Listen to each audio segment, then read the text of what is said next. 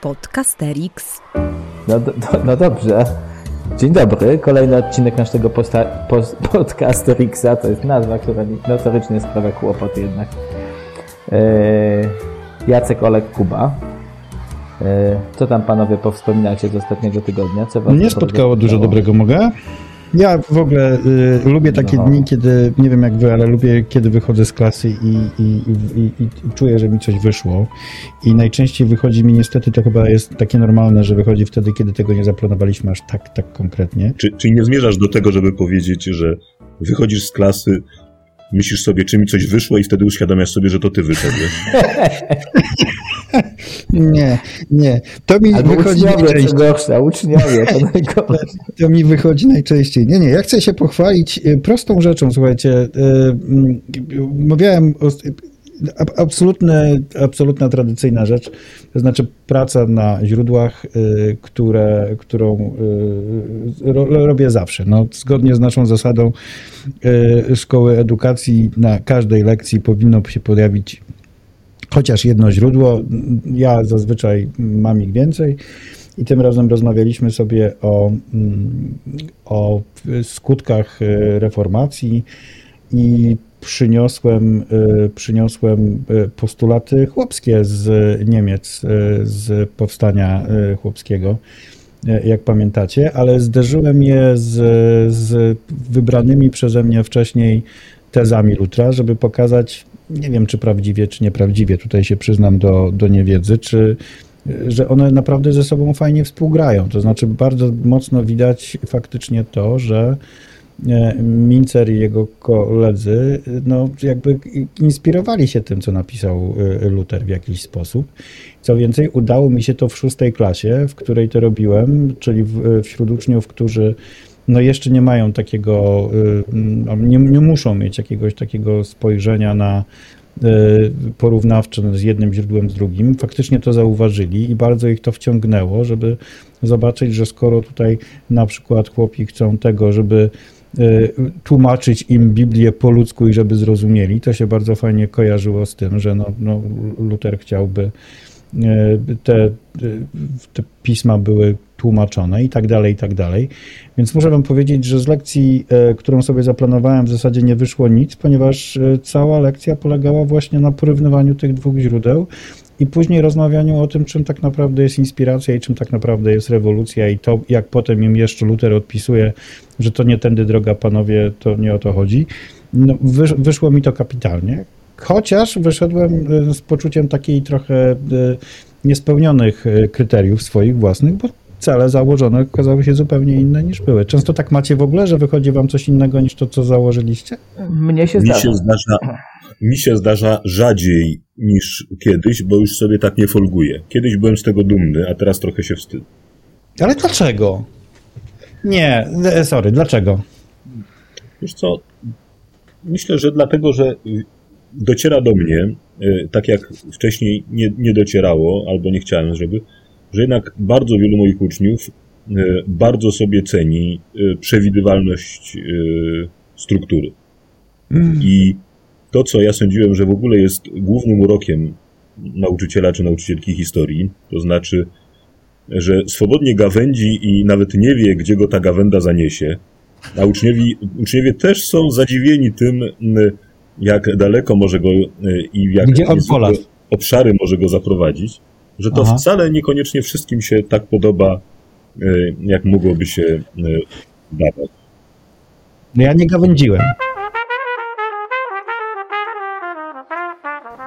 Podcasterix. Nie, ale dobra, słuchajcie, panowie, bo odchodzimy od tematu. Odchodzimy od tematu, mieliśmy dzisiaj o czymś zupełnie innym rozmawiać. Mieliśmy e, rozmawiać o temacie niesłychanie ważnym, jeżeli e, chodzi o historię.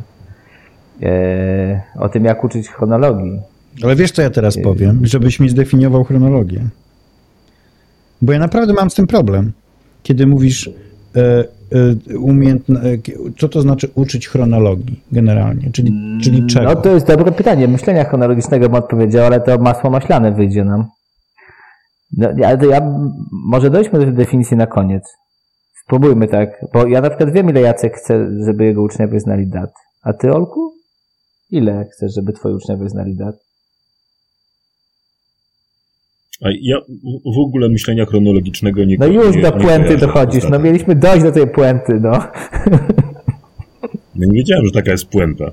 Ale poczekaj, ja też nie znałem puenty, y, więc też chciałem to powiedzieć za, dopiero za moment. Ty, ja, rozumiem, ja rozumiem, co mówisz, że nie kojarzysz myślenia chronologicznego z datami, tylko y, natomiast y, dobra, zostawmy daty z boku na moment, czyli rozumiem, że myślenie chronologiczne to jest myślenie, no, to jest umiejętność znalezienia się gdzieś i kiedyś i posiadanie tej, tej takiej umiejętności rozejrzenia się wokoło, jeżeli jesteśmy powiedzmy w połowie XVI wieku i mniej więcej, żeby nasz uczeń wiedział, co już było, co będzie, a, a lepiej, żeby wiedział, co mniej więcej jest gdzie indziej.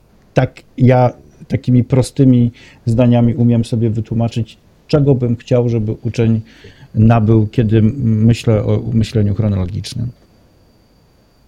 No myśmy, bo Jacek tak y, mówi, że nie wie, nie wie, nie wie, ale Jacek jest współautorem tekstu o tym, jak uczyć myślenia chronologicznego. Trochę zapomniałem, co tam już jest. Ja jestem kolejnym współautorem, tam nas było bardzo dużo, ale... Mnie tam nie było. Y, tego nic nie Nie, ale y, bo tam myśmy wymyślili taką pewną kategorię, y, która ma, y, znaczy staraliśmy się w ogóle w tym artykule powiedzieć, jak, jak się stopniują umiejętności chronologiczne. Mhm. I doszliśmy do tego, że tym, co jest najtrudniejszą umiejętnością chronologiczną, znaczy najtrudniejszym elementem składającym się na myślenie chronologiczne i na umiejętności chronologiczne, jest coś, co nazwaliśmy intuicją czasu. I to jest dokładnie to, co Jacek przed chwilą powiedział. E, czyli umiejętność e, umieszczenia e, może postaci, może tekstów, może wydarzenia, może całych procesów w czasie w odpowiedni sposób. To właśnie ta intuicja czasu byłaby tym, co byłoby tutaj chyba najważniejszym celem myślenia, znaczy nauki chronologii w szkole. Żeby uczeń jak zobaczy rycerza w zbroi, to wiedział, że to jest średniowiecze. To jest w ogóle moje chyba pierwsze a. ćwiczenie, z którym idę do klasy czwartej, a jeżeli mi się udaje, bo czasami mam takie występy gościnne w klasie pierwszej czy drugiej podstawówki, e, to idę z różnymi obrazkami przedstawiającymi właśnie rycerza, piramidę, E, wysoki budynek, jakiś drapacz chmur, e, pociąg parowy i proszę ich o to, żeby poukładali to od, najstarszego, od najstarszego do, do najnowszego i potem, jeżeli mm, zostaje mi czasu, to jeszcze sobie rozmawiamy o tym, jak bardzo to jest stare, czy pamięta to nasza babcia albo prababcia, bo takimi się kategoriami posługujemy. I, i, i to zaczyna, i to też uważam za myślenie, za uczenie myślenia chronologicznego.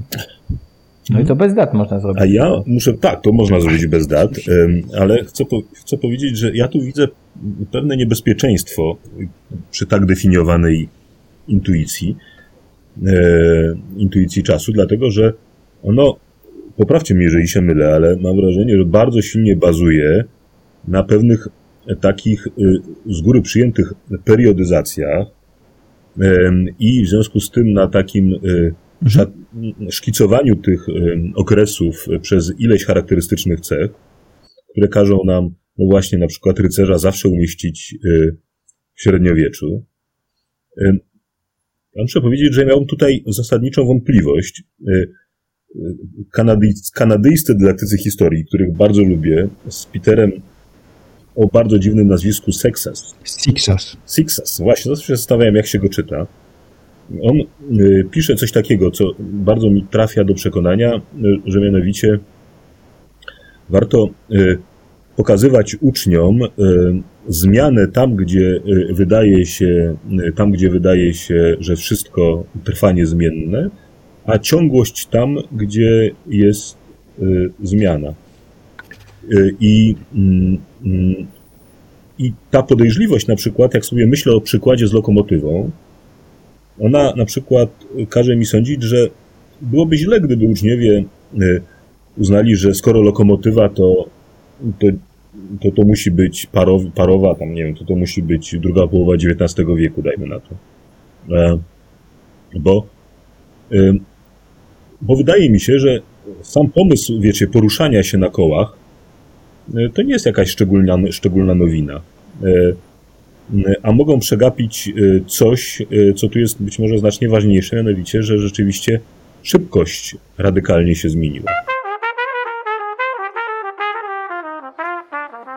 Podcasterix. Bo jeszcze jest tak, ja sobie myślałem przed chwilą o tym, że mm, ta intuicja czasu się bardzo dobrze y, sprawdza, tak jak o niej wtedy myśleliśmy, przy historii kultury. To znaczy ona pozwala e, zastanawiać się nad tym, kiedy jakieś procesy kulturowe albo jakieś zjawiska, jakieś fenomeny kulturowe mogły mieć najwcześniej miejsce i dlaczego nie mogły mieć miejsca wcześniej. E, i y, mogły mieć później, tak jak z tym rycerzem, no jak ktoś jest facet zbroi, to równie dobrze mogła być to XIX albo XX wieczna rekonstrukcja, tak? No ale... To może być Konrad Adenauer po prostu. o, o to chodzi. Ale nie może być to starożytna Grecja, tak? I na tym polega to wyczucie czasu, ale od razu pomyślałem sobie też, że bo w ogóle polska szkoła tak nie myśli o historii, o chronologii. Chciałem was rozpocząć od tej rozmowy o datach, to żeście się nie dali w tym kierunku ukierunkować. Żeby Teraz się dam. No. no. E, ale zmierzam do tego, że jest jeden wątek, w którym e, dość tradycyjnie od dawna, e, tak jak uczymy historii w Polsce, jesteśmy blisko tej intuicji czasu. A przynajmniej się do niej zbliżamy. To jest historia stylów architektonicznych, które dokładnie wpadają w tę pułapkę, o której Olek mówił. To znaczy w wielką kanoniczność i trochę idealną formę, która jest odległa od tego, jak naprawdę kiedyś budowano E, czy w, poszczególnych okresach budowano, jakiś taki typ idealny budowli gotyckiej, romańskiej czy renesansowej, który w istocie nie istnieje, ale jakby rozpoznawanie i przypasowywanie poszczególnych budowli e, no właśnie do stylów architektonicznych jest pewnym zbliżeniem do, do tej intuicji czasu, tak jak myśmy ją wtedy e, wtedy rozumieli. No bo y, to jest trochę tak, ja, jednak powrócę do swojego y, celu uczenia myślenia chronologicznego, że no, chciałbym jednak, y, może to, może powiecie mi, że jednak zbyt dużo wymagam, jest to zbyt faktograficzne, ale chciałbym jednak, żeby na przykład uczeń, który idzie ulicą i widzi e, jakąś tablicę i widzi, że tutaj w 1630 albo w 1811 nadano